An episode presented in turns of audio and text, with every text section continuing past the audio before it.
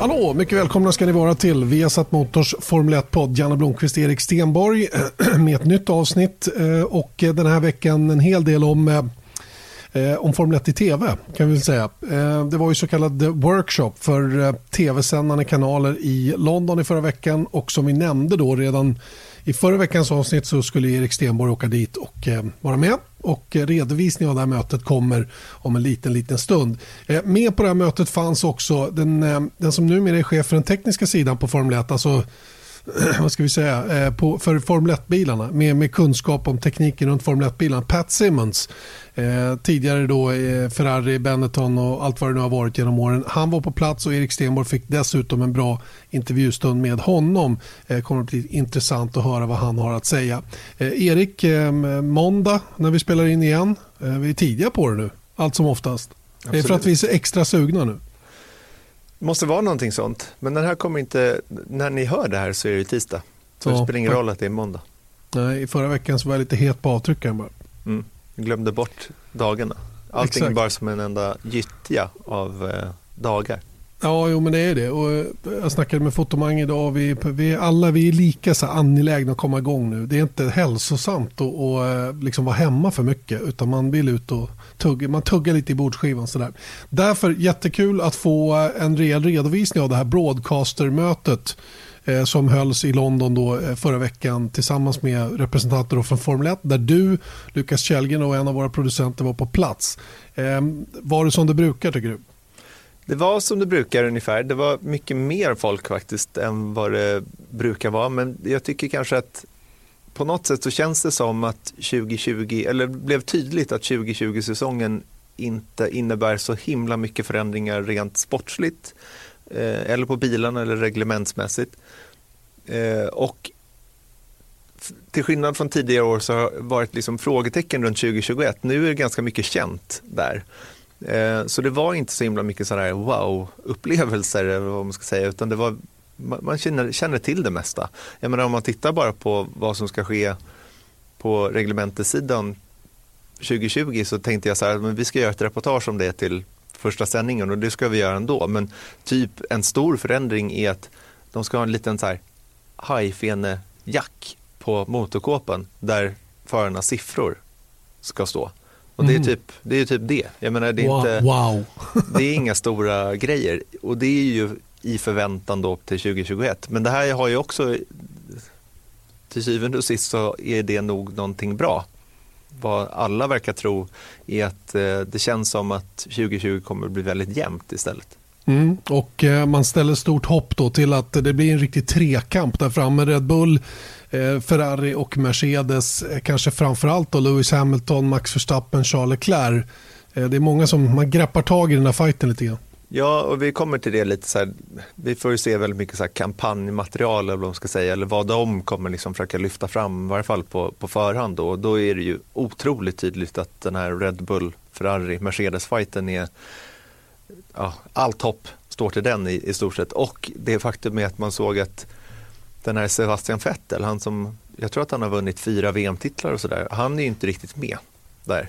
Utan det är just Hamilton, Verstappen och Leclerc. Det är de som de ser liksom den etablerade superstjärnan mot de kommande superstjärnorna. Det är det de vill liksom verkligen bygga upp. Just det. Ja, det är intressant där med Sebastian Vettel. Det ska vi prata om lite längre fram i våra poddar om, om fenomenet Vettel, vad det är som har hänt och vad som kan hända framöver. Han har ju en som jag ser det, en säsong på sig att försöka rädda sin karriär nästan till, till, till någonting bra igen. Vi, vi får se om han klarar det under 2020. Men vi, vi lämnade just den biten idag. Eh, pratar om en annan succé, för det får man mm. väl ändå säga, nämligen Drive to Survive. Säsong 1 som kom då i mars förra året tio avsnitt, episoder som eh, jag tyckte själv eftersom jag är väldigt insatt i sport och var väldigt slätstrukna, skrapade lite på ytan och jag snabbspolade faktiskt igenom mig hela säsongen. För Jag tyckte inte det var någonting, men jag är inte målgrupp för den här programserien. Det är andra människor som är det, som kanske inte är fullt så insatta och då har den ju absolut landat på rätt ställe, eller hur? Ja, alltså, det har varit verkligen en supersuccé. Dels i tittning som de säger i alla fall, för de siffrorna är ju som brukligt då, eh, hemliga. Men men som du säger, det är en proof of concept att skapa intresse för sporten hos de som kanske inte var intresserade innan eller var så lite marginellt intresserade. Och det är ju faktiskt någonting som man har upplevt säkert 20 gånger under året. Det är att så här, oh, har du sett Drive to Survive? Det var det som gjorde att jag fick upp ögonen för Formel 1 igen och det är verkligen, jag menar, jag vet att du har varit med om samma sak ett antal gånger. Bara så nära som några veckor sedan så var det en, en person som kom fram. Hans 18-åriga dotter hade blivit helt galen i Formel 1. Mm. Alltså verkligen bara grabba tag i sporten med, med hull och hår. Så att eh, det har de ju oerhört, eh, de har lyckats väldigt väl med, med som det här konceptet då, som du kallar det. Mm. Finns det några siffror som man kan redovisa? Ja, alltså det, det finns ju massa sånt där att det, det är ju det är massa sådana sociala medier-grejer men det, det de har samlat upp då är att klipp från serien har skapat 3 miljarder impressions på, i social media. Sen så vad är en impression och allting sånt där, men 3 miljarder det är mycket det. Oavsett mm. hur man mäter det så är 3 miljarder impressions mycket i social media. Mm. Ehm, och sen så är det även intressant att serien skapat så mycket intresse för enskilda individer och stall. Och då tänker man ju främst då på kanske Günther Steiner, han blev ju en superstjärna genom Drive to Survive första säsongen. Och de har också gjort mätningar då på hur det såg ut innan serien och efter serien hade premiär då i mars eh, 2019. Och en, något som de lyfte fram då bara som ett exempel var att googlingarna på Daniel Ricciardo som var också en sån här populär typ i serien steg 49 gånger och googlingarna på Haas steg 13 gånger. Så att jag mm. menar för enskilda individer och stall så är det ju så, såklart att det här är ju succé för dem mm. också. Och det, och det är ju den här typen av exponering också som är viktig för teamen då när Eh, sporten har glidit mer över åt betal-tv-sändningar eh, och naturligtvis då eh, naturligt nog en mindre skara så att säga då, som tittar på tv på sändningarna på det sättet. Så att man söker ögonen från annat håll och det här är väl ett jättebra exempel på att man faktiskt lyckas med det. Då. Ehm, och det, det, finns ju siffror från säsongen som, som tyder på att den, den var den mest tittade på i, i, ett visst avseende. Då. Eller, så mycket folk som på något sätt kom i kontakt med sporten har inte varit sedan 2012. Eh, och det var ju ett fantastiskt år med sju olika vinnare de sju första racen och, och, och grym spänning rakt igenom. Mm. Eh, och det säger ju en del om att man, man tycks ha hittat andra vägar till människors ögon så att säga då. För att, att få alla att sätta sig vid tv-rutan och bli exponerade för sponsorerna den vägen, det, det är ju liksom, det är kört på något sätt med tanke på vägen tv-rättigheterna har tagit. Mm. Ja, men och tänk dig då om du är marknadsmänniska på ett team och ska försöka sälja in en ny sponsor. Så säger du så här, ja men dels har vi livesändningar, vi kör över hela världen och bla bla bla. De här sponsoraktiveringarna kan ni göra, vi kan bjuda folk dit, hej och hå. Men också, är ni med oss så får ni vara med på Netflix. Jag menar, och som då, om det här 3 miljarder impressions är någonting att, att sälja med, det vet jag inte. Men men eh, det är ju absolut grädde på moset. Mm. Att kunna eh, en sån sak.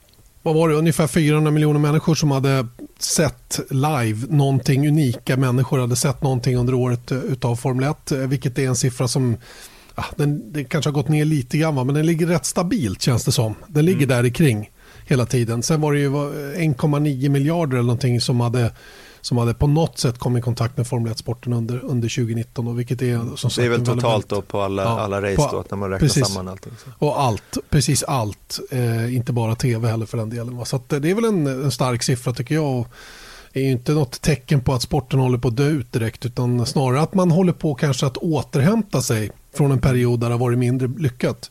Eh, och det tycker jag man har gjort på ett bra sätt. Sen får vi se hur långt det håller och om det håller och hela den biten. Va? Men, men eh, det känns som att en, en, en, negativ trend om den fanns har, har kanske brutits en aning då. Mm. Det som vore bra är om inte Mercedes vinner åtta raka dubbelsegrar. Det vore toppen om vi slapp. Mm Eh, kan jag tycka. En annan viktig poäng som jag vet att Formel 1, eller så, ja, Formel 1 bland annat har tagit upp är ju också det här med betal-tv eh, och hur det har höjt kvaliteten på sändningarna rent generellt i många av de stora länderna. Jag skulle vilja säga att det har höjt kvaliteten även i Sverige.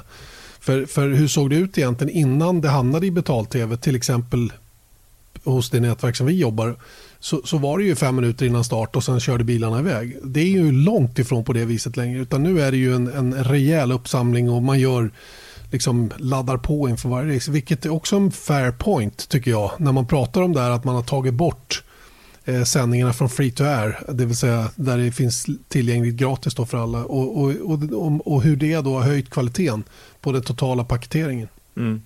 Mm. Det är 70-årsjubileum i år. Just det. Formel 1. Det startade ju 1950, jag tror att det var i mitten av maj 1950 och eh, därav blir det 70. Det beror lite på hur man räknar faktiskt. Men, eh, men eh, nu är det ett officiellt 70-årsjubileum. Eh, det kommer uppmärksammas under hela året under devisen We're 70 but just warming up. För det tycker de är viktigt då att vi eh, ska såklart vara stolta över vår historia men det är framtiden som gäller. Eh, och jag tycker det är en ganska bra tagline så att säga. Mm, visst är det det. Och vad kommer man att göra för att fira det här då så att säga? Det finns det någon speciell, speciellt ögonblick för att fira de här 70 åren? Ja, jag hoppas att, att det blir mer än det där tusende racet som de försökte fira i Kina förra året som inte blev någonting i stort sett. Och det var lite roligt för de tog, hade lite så bilder på det där. Det var ju då tusende racet Kinas Grand Prix och det skulle vara firande hela helgen och sånt där. Men det var ju typ, Damon Hill åkte runt i en gammal Lotus varje dag och det var typ det.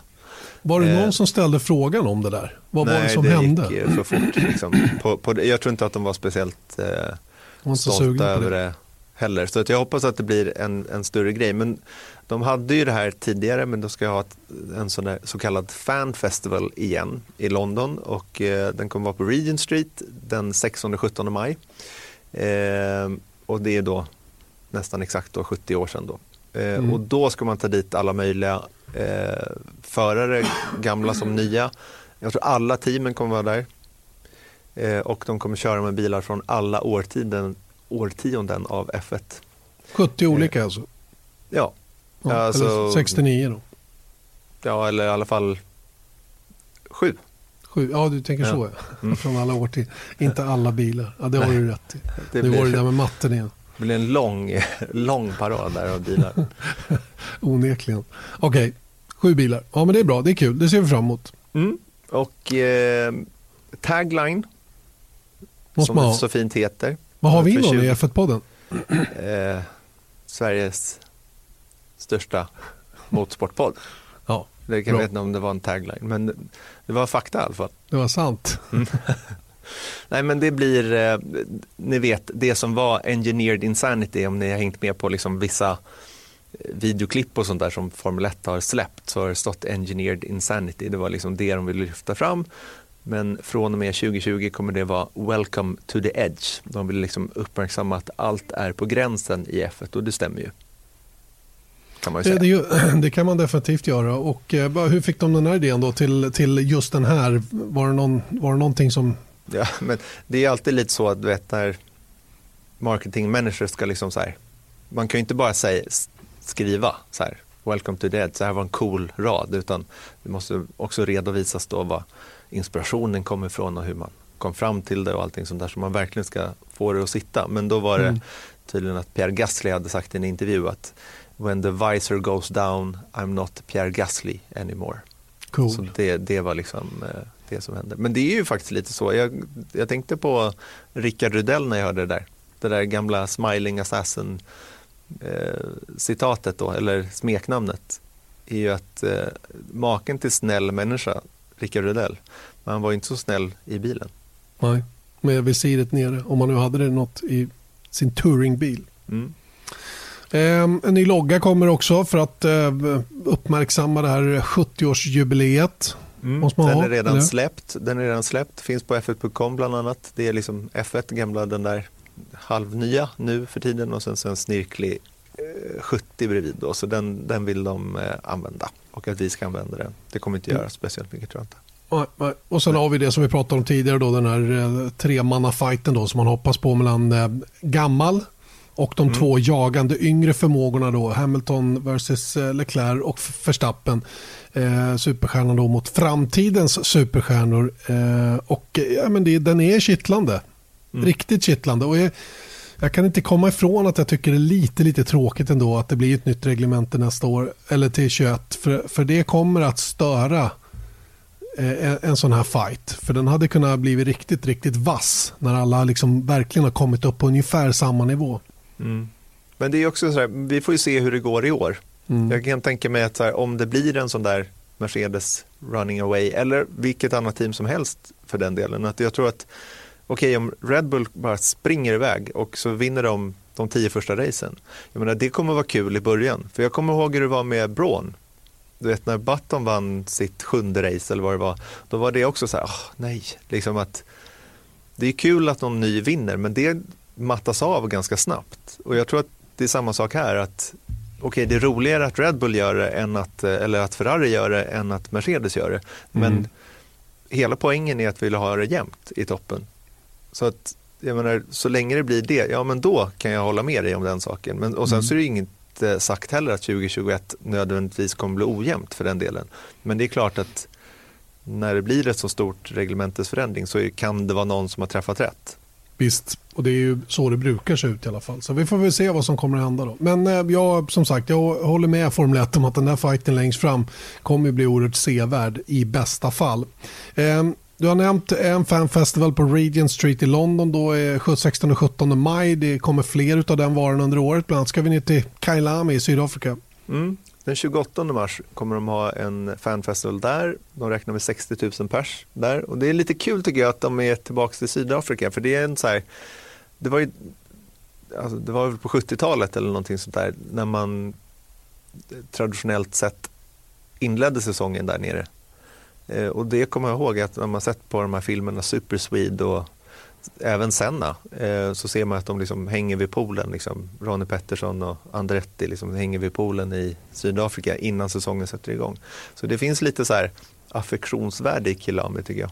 Just det, och undrar om inte, undrar om inte det är på gång, alltså att de håller på att förhandla ganska hårt med att få tillbaka ett race dit, även om det inte liksom har flyttit upp till ytan. På mm. samma sätt som till exempel där Miami-racet håller på att vakna till liv i det igen då. Mm.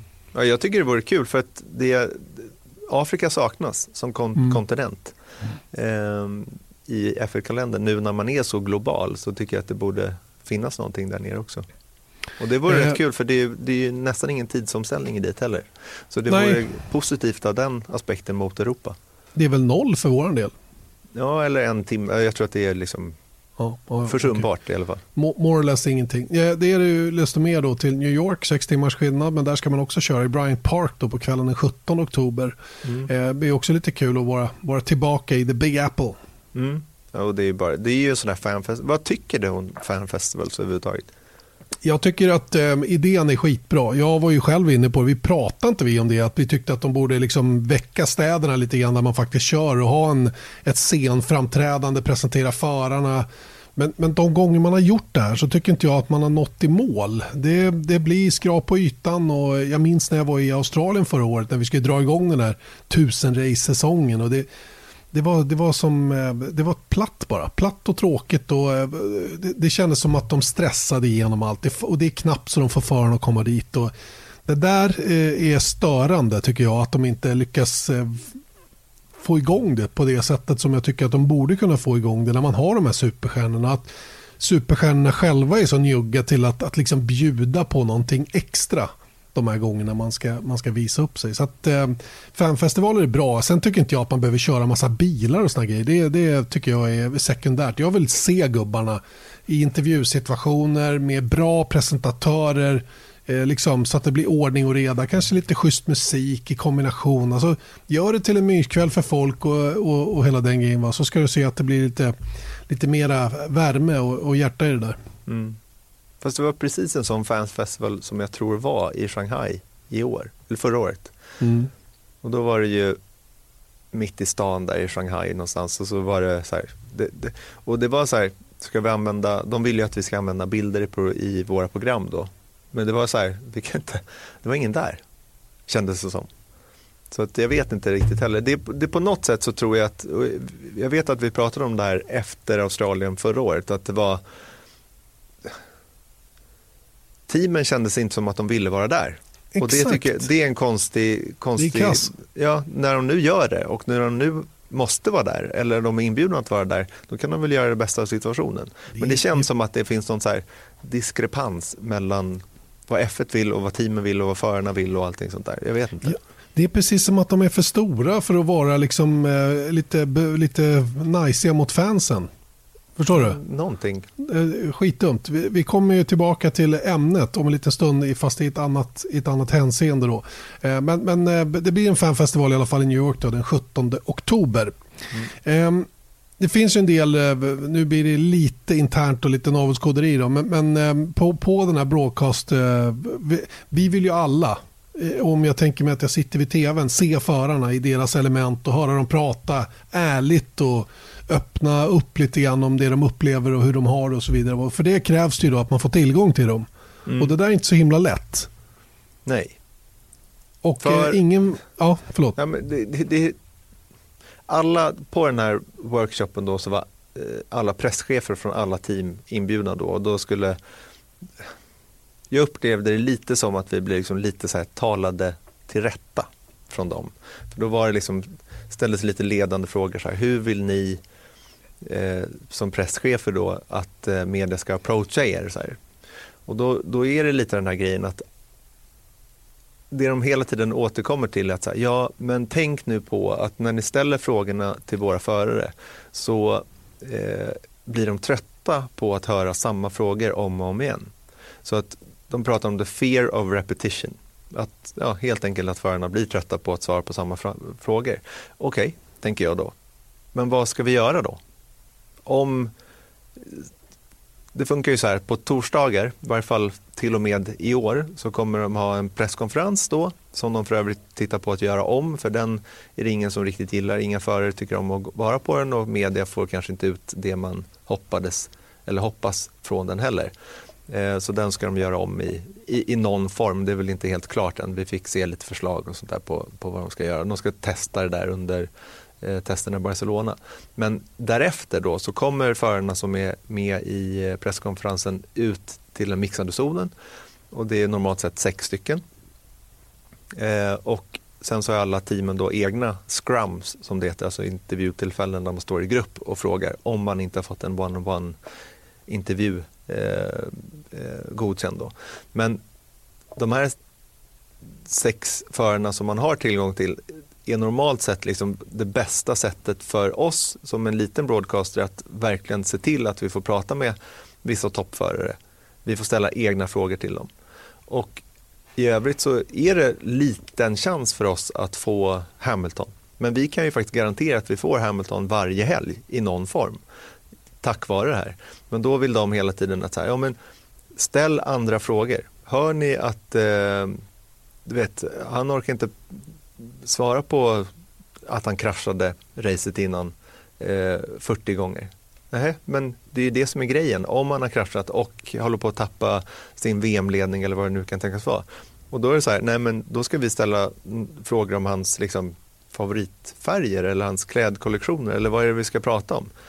Och de vill inte heller så gärna svara på frågor om så här, vad tror du om helgen? Ja, men, ja, jag har inte kört den så det är svårt att säga. Så att jag blir lite så här villrådig, vad är det vi ska prata om? Mm. Jag blir mer förbannad faktiskt över att höra sånt här skitsnack för det är precis vad det är. Det är ju välbetalda toppidrottsmän som naturligtvis ska klara av att möta media även om det blir tjatigt under en halvtimme en torsdag. Hallå, vad fan är det frågan om? De mm. får ju skärpa till sig, rakt upp och ner. Vi gör ju vårt jobb, jag säger vi då eftersom jag tillhör den andra sidan, lika mycket som de gör sitt jobb. Och de har fan så mycket mer betalt än vad jag har för att göra det. Och stå där och gnälla. Och de här pressrepresentanterna som jobbar bara emot oss istället för med oss. Inte alla, men väldigt många av dem. Och Bradley Lord som du nämnde då. Jag vet inte om du nämnde honom, men Mercedes Nej. Bradley Lord. Han, är ju, han har ju varit på våran sida. Och är ju liksom inte speciellt rolig att göra med när han är på den andra sidan. Och de är ju livrädda för sina drivers. Och, och det liksom, jag fattar inte att det här är så svårt att liksom skriva in i kontrakten eller göra klart det av vad som helst. Och klara av den här timmen. Allt är väl för fasen inte roligt jämt. En del saker måste man göra och så här får det inte vara tycker jag. Att de ska sitta där och, och vara rädda för att få svara på samma fråga 40 gånger. Hur många broadcasters är vi numera ute? Vi kanske är som finns i mixade zoner. Låt säga att vi är 15, 10-15 stycken. Mm. Så säg att de får samma fråga fem eller sex gånger då. Mm. För många gånger trängs vi in. Vi måste ju klumpa ihop oss och kanske mm. en ställa frågan och vi andra hänger med. Mm. Där kan vi bli bättre, självklart, så att inte det blir en upprepning. Men många vill ju ha sina egna reportrar ställa frågan, bla bla bla. Men, och, och, det går ju också att dela på materialet som alla har om man hade någon form av pott så att man kunde få ut budskapet det på det sättet. Nej, jag vet. Men det pratades om det förra året vet jag när vi var där. Mm. Eh, och, och Formel 1 själva har ju en gubbe som tar upp halva tiden i, i, i mixade zonen för för deras digitala rapportering och, och tar då helt enkelt våran tid. Och jag menar, hur många gånger har inte jag stått och Fettel har kommit och den här Britta som han har med sig då säger ja ni får en fråga, ni får bunta ihop er och så får det en fråga säger hon. Mm. Då har man stått där i 25 minuter och väntat på just honom och kanske har då ett beting hemifrån om att ställa den här och den här frågan. Vilket är världens enklaste, bara att människan stannar och ställer sig framför. Så är vi klara på 30 sekunder, 45 kanske. Mm. Men eh, när inte viljan finns, va, då blir det ju på det här viset. Och det här är ju direkt fån i den här diskussionen. Det där vore bara, de ska ju tvingas till det. Mm. Ja, men det, det, är svårt också, för jag förstår inte liksom heller att anledningen till att vi är på plats är att vi ska kunna göra en bra produkt i tv. Och ibland kan den vara kritisk, ibland är den positiv beroende på vad som har hänt såklart. Men när man då tar bort incitamenten att vara på plats, vilket faktiskt det här är, om det skulle gå mycket längre, är att, eh, men what's the point? Vi får ändå inte ställa de frågorna vi vill. Så då finns ingen anledning att vara där. Jag drar det ännu längre. Va? Vi, att vara där eller inte, det är ju en sak. Va? Men att inte få liksom göra produkten. För vi alla, vi, det krävs en viss mångfald också. Alla gör den inte lika. Några gör den på det sättet, andra på det. Och vi bidrar ju allihopa till att de här killarna kan hålla på och dessutom vara hyfsat välbetalda allihopa. Varför ska det vara så jävla svårt att ställa upp under en timme på torsdagen när man är där i mixade zonen kanske tre, fyra, fem gånger under en hel säsong. Mm. Det, det, är orimligt. Det är orimligt gnäll. Mm. Jag, jag, förstår det inte överhuvudtaget. Jag, jag, har ingen som helst förståelse för det. Det är töntigt rent av, det de håller på med. Och borde sluta med det omedelbart. Mm. Jag säger så här, vi stänger då. Vi tar en helg alla, vi kommer överens, vilket aldrig kommer att hända. Va? Vi kommer överens om att alla som bevakar Formel 1 stänger. Vi kör ut våra sändningar, ingen kommentering, inga intervjuer, inget Twitter, inga, inga artiklar, nada. Så gör vi det under 36 timmar. Får vi se hur det tas emot. Mm. Ja, Vad tror du? Det skulle vara inte så bra, tror jag. Du hör att jag är förbannad nu. Jag, jag är nästan lite, jag vet inte vad jag ska ta, ta vägen Nej. riktigt där. Nej, men jag, sånt där lackar jag på. Det där är ja. töntigt. Och la, ren lathet. Mm. Men det är intressant då ändå om man tittar på, för att om man jämför Haas och Mercedes då, de är ju i samma serie. Man har ju pratat lite elakt om Formel 1 och Formel 1 och en halv, eh, just med toppteamen och resten så att säga. Då, då, det är också lite spännande att bara höra presschefen om att så här, men vad är förslagen då, vad, vad kan vi göra? Och då säger Haas att så här, ja, men vi ser gärna att ni gör roliga saker med oss. Liksom, de gör gärna saker tillsammans. Kolla på när de åkte Nascar-bil på Kota förra året. Det tyckte de var jätteroligt. Eh, och då tänker man så här, okej, okay, men det kanske vi, ja okej, okay. om, om de vill det så absolut. Och då hoppar Bradley Lord då in från Mercedes då. Och jag menar, det är inte hans fel heller, men då, då säger han precis tvärtom. Att våra förare tycker genuint illa om att göra media tillsammans.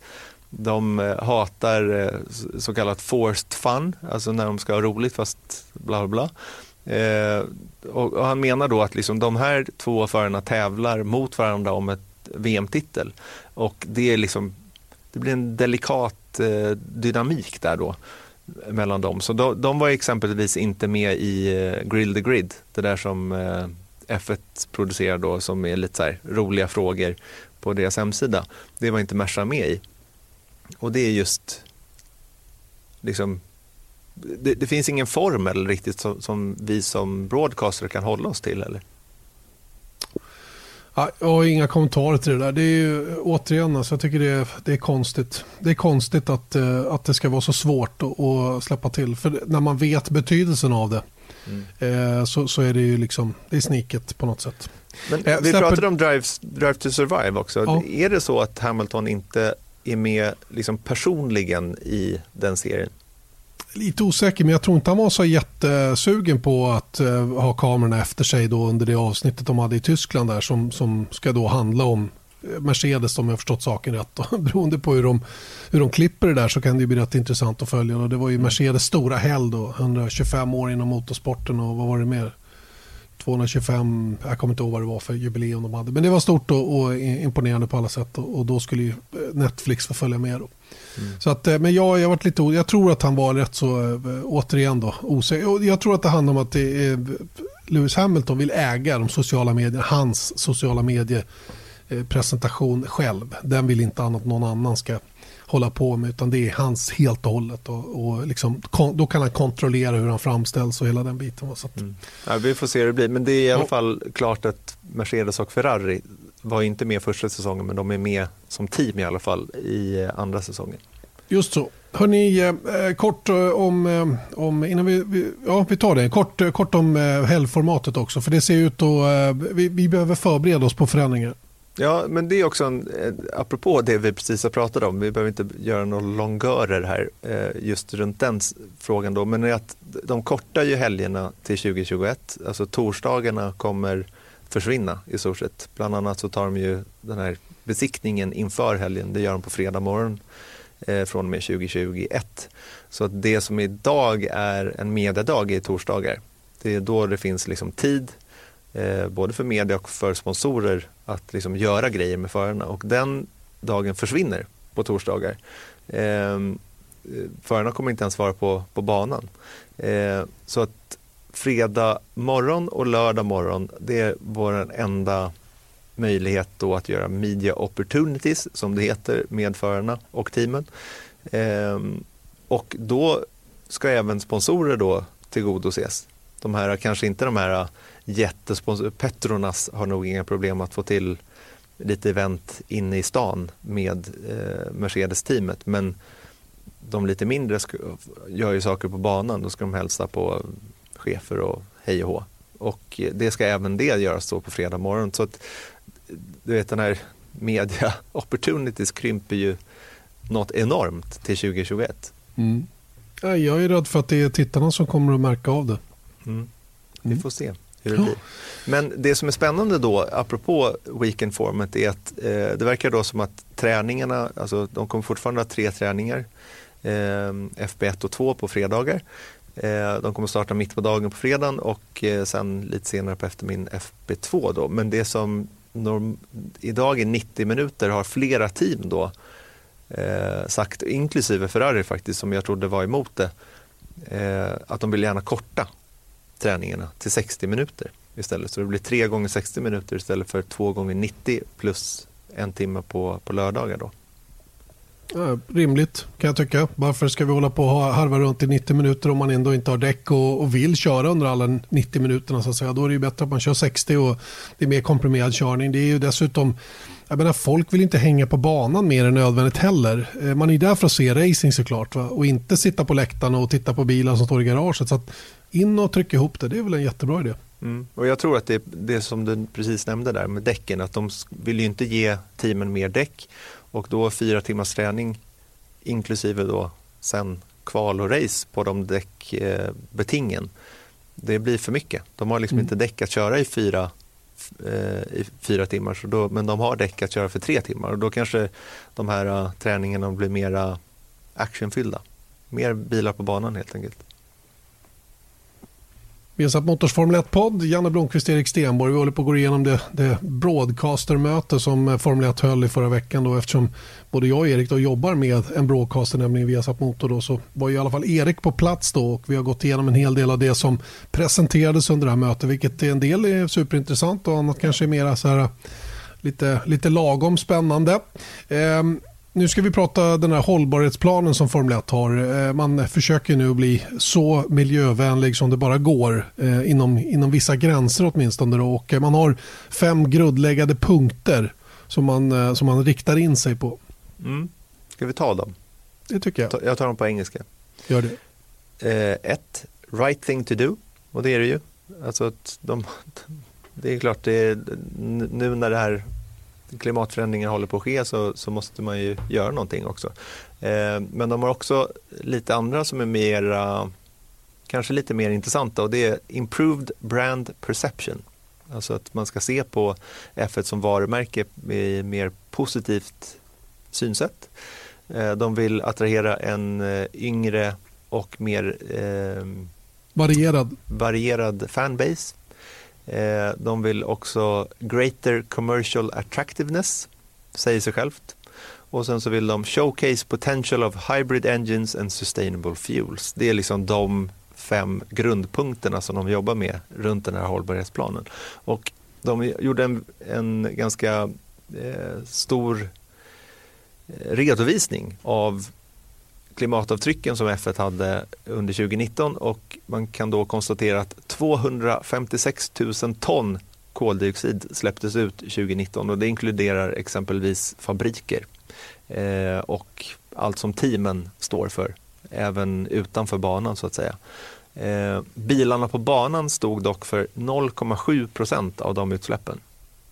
Så det är ganska stor skillnad där på vad F1 som cirkus släpper ut och vad faktiskt bilarna, racerbilarna som kör på banan släpper ut. Men räknar man med eh, all fan travel, alltså alla fans som åker till ett race och, och ser på banan, då landar eh, siffran från 256 000 ton till 1,9 miljoner ton. Så där har ja. man lite att jobba med. Visst, visst har man det. Va? Och det är för att man helt enkelt eh, Ja, man vill ju ha folk som kommer dit och kollar och många av dem behöver ju resa. Va? Det där, det här, den där siffran då ska man försöka få ner till noll och det, är ju, det går ju inte. Men man kan få bort en del av det, är det inte så? Ja, absolut. Alltså, det, det som F1 och teamen gör det är att de, de, skickar i snitt 800 ton utrustning till varje race. Och det är främst här de ser att de kan göra de stora delarna. delarna då. Lösningen är då att ett då skicka mindre utrustning och folk till banorna och jobba med så kallat remote operations. Det är ungefär det vi gör faktiskt i, eh, eh, ja, det var inte av miljöskäl som vi började med det, men vi har ju, vårt kontrollrum är i Stockholm medan ni är på plats. Så vi mm. har bara liksom signaler hem och det är det som F1 tittar på att göra mer då, av att skicka mindre personal till banan och så kan man sitta, eh, sätta folk i hemma i England och liksom styra saker. Egentligen så skulle de inte behöva ha sin tv-produktion på plats förutom de som filmar. Kamerorna bara. Ja, bara ja, kamerorna. Mm, ja. mm. Resten skulle faktiskt kunna sitta hemma i England. Eh, och det är klart att det skulle ju sänka antalet folk som åker runt på de här väldigt mycket då. Eh, men man kommer ju behöva ha folk och utrustning på plats och då handlar det om att skicka kortare sträckor och mindre med flyg och mer med båt.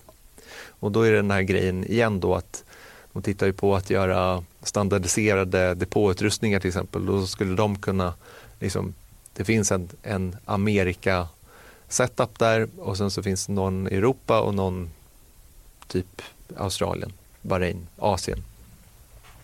Eh, och då behöver man inte skicka all utrustning över hela världen längre utan det är bara vänta tills man kommer dit egentligen. Det, det, det de pratar om det är helt enkelt att förbättra logistik, eh, mer effektiv logistik då, och, och ja, använda, ja, det här med vilka plan de använder till exempel gör ju stor skillnad. Mm. Och det, de har ju nu sju stycken 747 F1 och DHL. Eh, och det är ganska gamla flygplan nu, 747 och skulle de byta till 777 alltså nya Boeing-plan, så hade just den siffran, alltså fokuserat på flygen, sjunkit med 30 procent för att det är nyare och mer effektiva flygplan.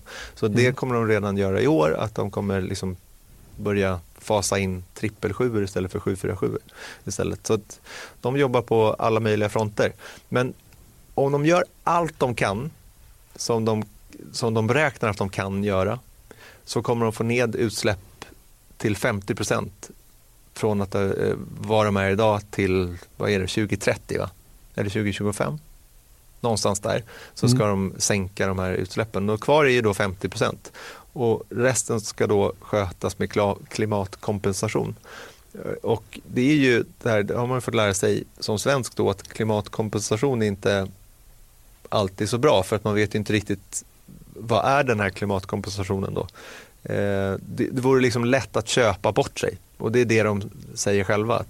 Eh, men de vet ju också att de har ögonen på sig. Jag menar en sport som Formel 1 som anses vara, ja, med rätta, eh, vara omiljövänlig så, så kommer ju liksom luppen ligga mot F1 på ett större sätt än vad till exempel fotbolls-VM eller OS som för övrigt släpper ut mycket, mycket mer. Ett sånt mästerskap släpper ut mer än vad F1 gör på en hel säsong. Mm. Intressanta siffror också givetvis. Då. Och, och ähm, nu har de speciellt avsatta team som ska jobba med det här, då, investering och teknik äh, direkt översatt av Formel 1-organisationen. Det är viktigt för dem också att alla kan se att det som det som man gör i Formel 1 också kan appliceras på, på vanliga livet så att säga och hjälpa. Det finns exempel på det där. Williams Advanced Engineering som har hjälpt en, en eh, vad är det, de är en eh, vatmarukedja, Sainsbury's. Det är väl eh, han Jordan Kings pappa det vet jag inte. Tror jag. Det jag, tror det. jag tror det. Det är han som äger det, Sainsbury's. Hur som helst, de tillsammans då har ju jobbat med, med att få deras vad var det, kylar och dra mindre ström. Mm. Exakt, och då, då har då Williams Advanced Engineering använt aerofoils, fråga mig inte hur det här fungerar, men då har de lyckats då, och det här är då kurerat av Formel 1. Eh, eh, så de har använt de här aerofoilsen då och gjort så att eh, Sainsburys kylar och frysar då drar 17% mindre ström. Och jag menar, det här kan ju låta liksom löjligt i det stora sammanhanget då, men det, det är klart att sådana här grejer, det är det de vill liksom påvisa. att vi, vi pratar om eh, road relevance, men det här pratar ju om så här, environmental relevance. Mm. Eh, för att teknik från F1 kan då appliceras på alla möjliga olika eh, aspekter, inte bara på bilar. Nej, jag tycker det är bra. Jag menar, det gör ju att de faktiskt kan hålla på. Och mm. åtminstone jag tycker det är kul att kolla på Formel 1 fortfarande, oavsett. Så ja. att, uh, go for it. Och gör vad ni kan för att, för att liksom hålla relevansen i sporten på något sätt. Va? Mm. Ja, men det, kontentan av allt det här är att man, man, kan ju liksom det finns ju väldigt mycket företag nu som pratar om klimatet och vad, vad de gör och sånt där. Men det, min känsla är så objektiv jag kan vara är att de faktiskt tar det här på största möjliga allvar. Och det är något som Pat Simmons också tar upp eh, i intervjun som ni ska föra strax. Att det handlar inte bara om att, så här, eh, att eh, not only recognizing the problem but we want to do something about it. Och det är det som eh, jag tycker känns lite spännande.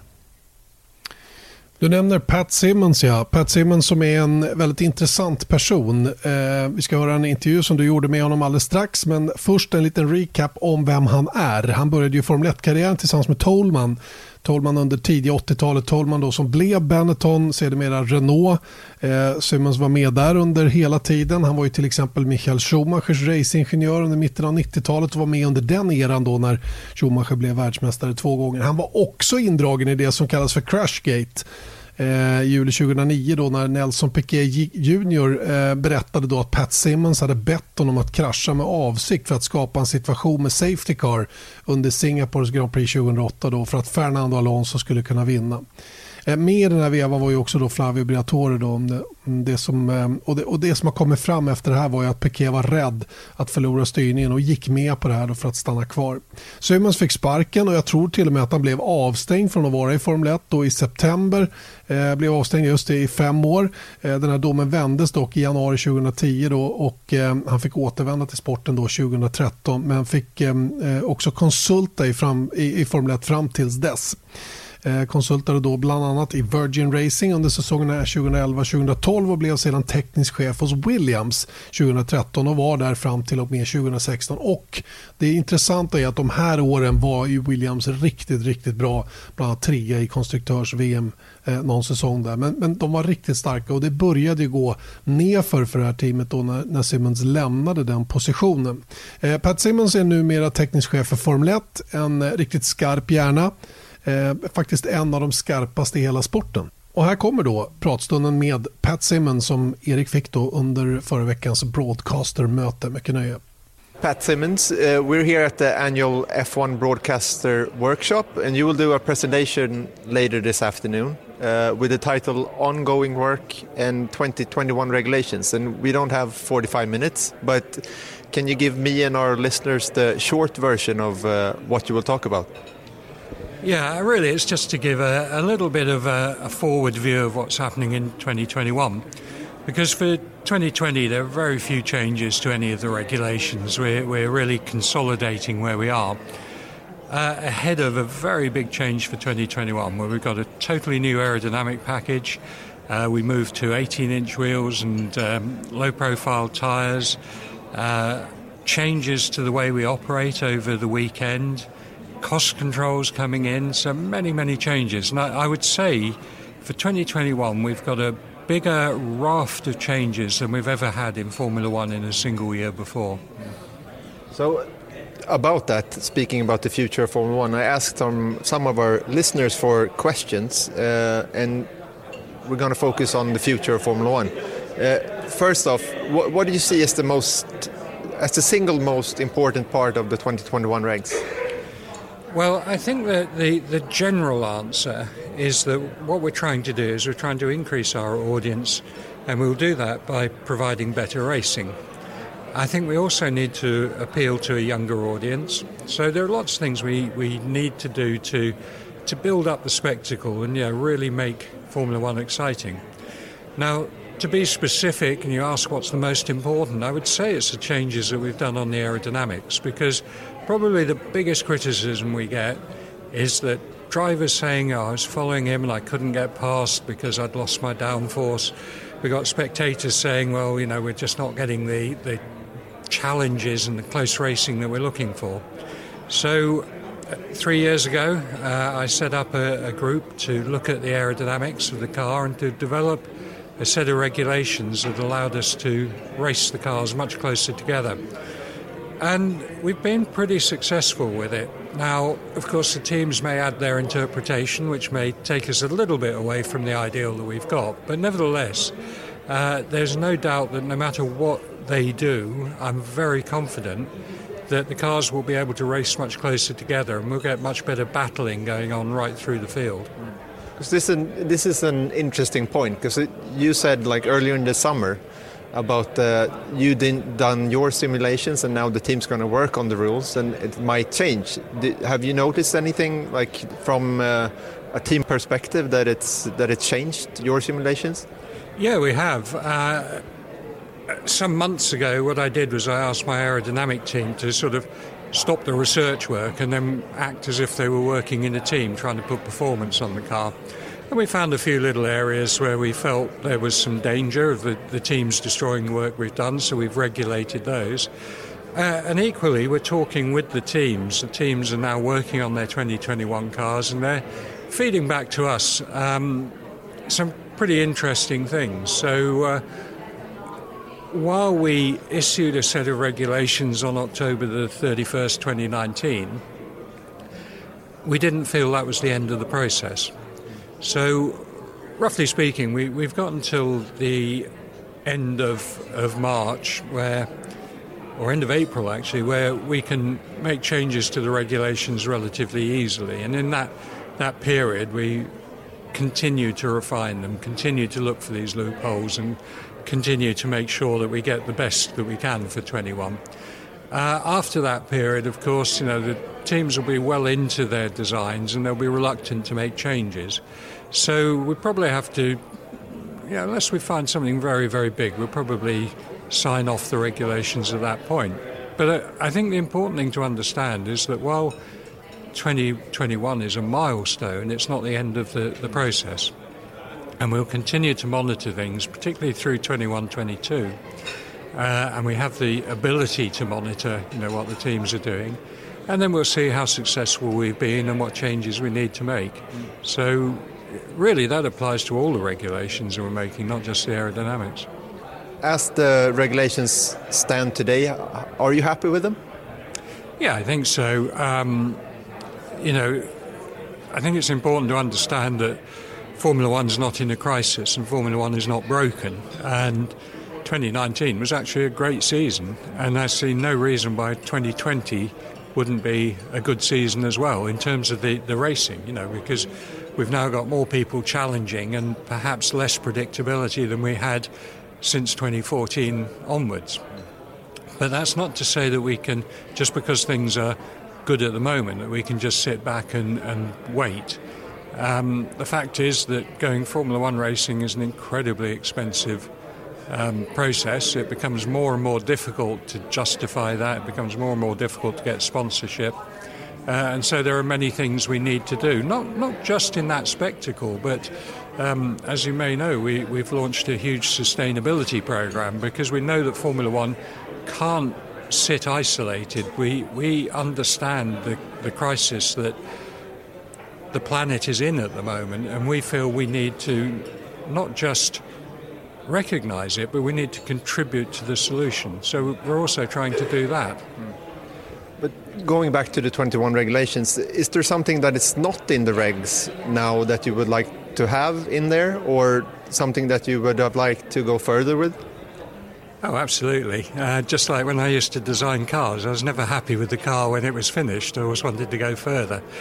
And in fact, recently I was looking back at the some of the objectives that we set ourselves in 2017, and, and the fact is we haven't achieved them all.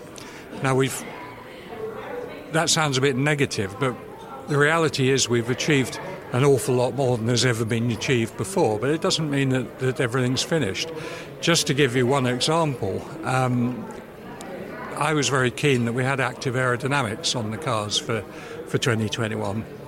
But when we took that to the teams, they felt that they had so much design work already on their plates that they wanted to put that off for a while. So we'll look at that again for 2022. Um, on the engine side, you know, we haven't done much for 2021, and that was really at the request of the of the power unit manufacturers, you know, who, who didn't want to change much. We are bringing in uh, more sustainable, um, low carbon fuel uh, in in 21, and that's just the start of a, a process that I really hope we can complete by 2023. But yeah, to say, have we done everything we wanted to do? No. Have we done more than has ever been done before? Yes. So you mentioned engines. It's going to be largely the same in 2021, but we have heard you mentioning the possibility to introduce two-stroke engines lately. And can you explain those thoughts to me as I was five years old? Because I don't really understand it. okay. Well, I think you know when I when I started talking about two-stroke engines, it was probably as a little bit of a teaser. The reality is that what we need to do is we need to design the next generation of engines. We need to start thinking about them now, even if they're not introduced until 2026 or so. And we also have to bear in mind that the average lifespan of a Formula One engine is 10 years for a single design. So the V10s had 10 years, the V8s had 10 years, the V6s will have had 10 years by, by 2020, about a little bit more by 2026. So we, what it means is that if we're going to introduce an engine in 2026, we need to be thinking, uh, what's the world going to look like in 2035?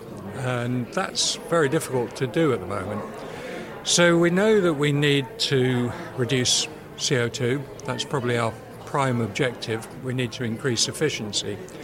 So the reason I'm sort of being a little bit provocative at the moment with our, our thinking is I, I'm saying to people, look, rather than just say, let's design an engine that looks like this, I'm saying, what do we need to do to get to 60% efficiency? Mm. Um, now, current engines on the road, the very, very best out there are around 40%. There are many that are closer to 30%. Current Formula One engines, just over 50% and now we want to target 60%, which is a very, very difficult target to achieve. And what it means is that we can't just evolve what we've got, we've got to think differently. And two strokes may be one solution. There are things called split cycle engines. There, there, are all sorts of new technologies we can apply, even to the, the, the current sort of four stroke engine. So I'm not advocating any particular technology at the moment. What I'm trying to do is I'm trying to open people's minds and making them push the envelope uh, and not just sit back and say, well, you know, if we if we made the engine a little bit different here and a little bit different there, it'll be one or two percent more efficient. That, that's not what I believe we should be looking for. And in addition, I think we have to be looking at synthetic um, sustainable fuels at, at that stage. So we have to look at our sort of life cycle analysis of our, our carbon footprint. And I think if we push ahead in Formula One with that, well, of course, our, our total CO2 output from the cars in a, a global sense is absolutely minute. I think the message that we can send and the, the billboard that Formula One can be for the technologies of the future, where although many people think that we will have a totally electric mobility future. I believe that that's a, a very optimistic thought. Uh, it will happen one day, maybe, but there, there are so many hurdles to, to pass. And in the meantime, in areas where you need a, a, a high sort of energy density in your fuels, and I'm talking now big trucks, aircraft, uh, high performance vehicles, and things, I think there's still a case for, for using what I would like to call a liquid hydrocarbon because, yes, it might be a bit like gasoline that we're using at the moment, but once we start building a designer fuel and an engine that works with that designer fuel, then a lot of the boundaries are taken away. So, yeah, we can really push some new, new technologies that I think can be very, very relevant to society in the future. So, Formula One is not looking to go fully electric, at least not, not right now. That's my interpretation of what you say. But is this the, the alternative fuel engine? Is that like an interim uh, solution before you do? I, I, wish I knew the answer to that. Um, I think there is a possibility that this might be the last sort of hydrocarbon fueled engine that we have in Formula One. Uh, and now, bearing in mind, I said that you know the life of this will take us out 2035, even 2040.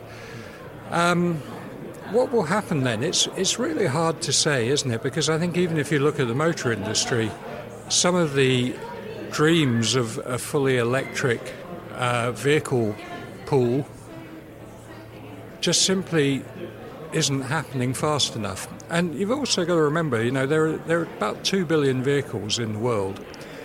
Now, they have a pretty long lifespan these days, and they are designed, most of them, nearly all of them, to run on gasoline or diesel. So if we can produce a, a synthetic low carbon version of gasoline or diesel, then there's something there that, you know, will apply to all those vehicles that are already in the vehicle park that um, really will reduce the, the CO2 output of the world. So there's a lot of things to be done. The next one after this, I really don't know. Will it will it be another? If, if we've proven that we can make a, a low carbon fuel, will we be doing more of that? Will we move to hydrogen? Will it be a fuel cell? Or indeed, uh, will we go battery electric? because in order to go battery electric, we really need a, a breakthrough in, in battery technology. Uh, and that applies not just to Formula One, that applies to, to all of mobility. And is that going to happen by 2040? I, I'm not sure. You know, it's really hard to say. We're, we're in a period of change that's unprecedented. And therefore, it makes it very, very difficult to look into the future. Let's move a little bit. Uh, Formula One is the pinnacle of motorsports, but do you look at what other series and categories of motorsport are doing uh, as good examples of things you could implement? Yeah, absolutely. Uh, and I think this is something that's quite new to Formula One. Um, I think Formula One has been very insular. And when Liberty took over and they, they set up our motorsports division in London to, to look at future regulations, one of the things we made sure we did was to break out of that insularity. So we do spend time talking to other series. We talk. We spend time talking to component suppliers. You know, the people who are producing batteries, for example. You know, we ask them what are the new technologies. At the moment, I'm spending a lot of time talking to the universities because of this sort of um, really uncertainty as to where, where the future's going, it's good then to get back into the, the sort of um, areas where, where the basic research is being done. So I'm spending a lot of time at the universities at the moment seeing where they're going because they will lead the, the, the motor industry and we must lead the motor industry as well. So um, yeah, we, we definitely talk to other series and even more than that. Yeah. Do, do you have any examples of, of like good examples? Yeah. Um, in if I go back to the aerodynamics, um, we wanted to understand good and bad. Um, and we, we worked with several people there. We, we worked with IndyCar. Um, we got some of their results of the testing they'd been doing. We then modelled the Formula 2 cars because Formula 2 cars race quite closely together. And perhaps one of the most interesting was um, we worked with Toyota on their LMP1 car. Uh, and that arose because I was talking to Fernando Alonso after he'd driven the, the LMP1 car, and I was asking him about differences between Formula One and that, and also he'd driven the Indy car, so I wanted to understand the differences. Uh, one of the things Fernando said that really surprised him with the LMP1 car was how close he could get to the car in front and still keep his downforce. So Toyota were, were, really good, worked with us closely, and uh, we understood a lot of the reasons for why the LMP1 car w- was good. So, yeah, I think that's probably our best example. Yeah. Speaking of, or you mentioned IndyCar. Uh, IndyCar is generating, generating a lot of interest in Sweden thanks to Felix Rosenqvist and Marcus Ericsson. They race there now. Uh, and IndyCar have a push to pass system uh, instead of DRS. Could that be an alternative to DRS in Formula One? Yeah, it could be. Um, I think not in the near future because it relies on the power unit being a little bit different to, to where it is now. And we've given this undertaking to the power unit manufacturers that we're not going to make fundamental changes. However, uh, I don't think the drag reduction system, even though it's proven to, to make the racing better, I don't think it's the ultimate answer. I spoke earlier about active aerodynamics, and what I meant by that uh, well, of course, you could call the, the drag reduction system, you could call that active aerodynamics. What we were trying to do initially was actually, rather than decrease drag on the, the trailing car, we were trying to increase downforce. So if you imagine that you, you had wings that were movable front and rear, and I have to say this isn't difficult to do because when I was at Williams, I, I did it for, for testing to understand some of the aerodynamic um, requirements. So if you had a system whereby you could increase the downforce on the trailing car back to its original level, so it really had lost nothing. So it could follow very, very closely. Take a corner like Parabolica at Monza, you know, where it's so you have such a long straight there uh, past the pits, but it's very, very difficult to pass on that straight because you cannot follow through Parabolica. Well, if you could, then maybe you wouldn't need all the push to pass and things like that. However, having said that, I think when we when we look at our 2026 power unit, I expect that to have a lot more hybridization. So there will, there will be more electrical power in it, and that will then give us a lot more possibilities to use push to pass. Finally, the Australian Grand Prix is only about seven weeks away. What do you expect from the 2020 season from a sporting perspective? Well, I expect things to be pretty close. Um, you know, we've had these years of, of Mercedes domination, and while I still think that, you know Mercedes is the most complete team out there, and of course you know, they, they've, they've got great drivers, particularly with Lewis, who I think is just at the top of his game in a, a way we haven't seen since Michael's days. Um, we did see in 2019 that you know Ferrari could snap at their heels, and now we can see that Red Bull can snap at their heels. Um, I'd love to see the midfield moving a little bit closer. That's harder to predict um, because they do seem to be up and down in, in, in, the midfield. But I think in those top three teams, I really am expecting a closer competition. Um, I wouldn't like to predict the outcome, and that's, that's good. That's the way it should be. How about Williams then, your old team? What do you think of their possibilities to progress? Yeah, that, that's really difficult because obviously I have a soft spot for that team. When I was there, it was a very successful team, uh, and I'm really sorry to see it uh, where it is now.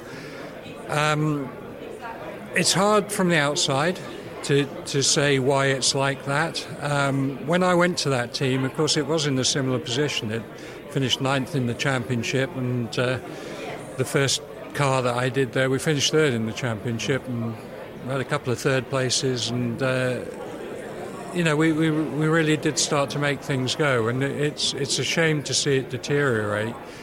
Um, but really, without the inside knowledge that I had then, um, it's very difficult to say. I, I, wish them well. I hate to see uh, any team in, in that position. So I'd love to see them back in there fighting.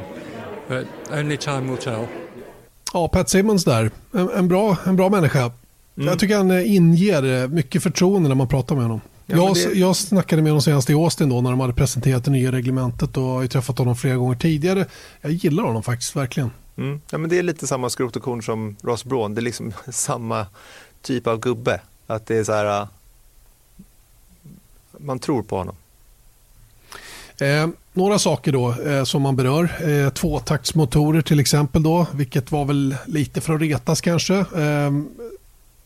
Det är en fullt möjlig lösning, absolut. Men det kanske inte är det man, man tittar på i första hand. Men det här att de ska bestämma sig för en motor eh, 2026 som ska hålla i tio år. Det här är ju ett jättesvårt jobb givetvis.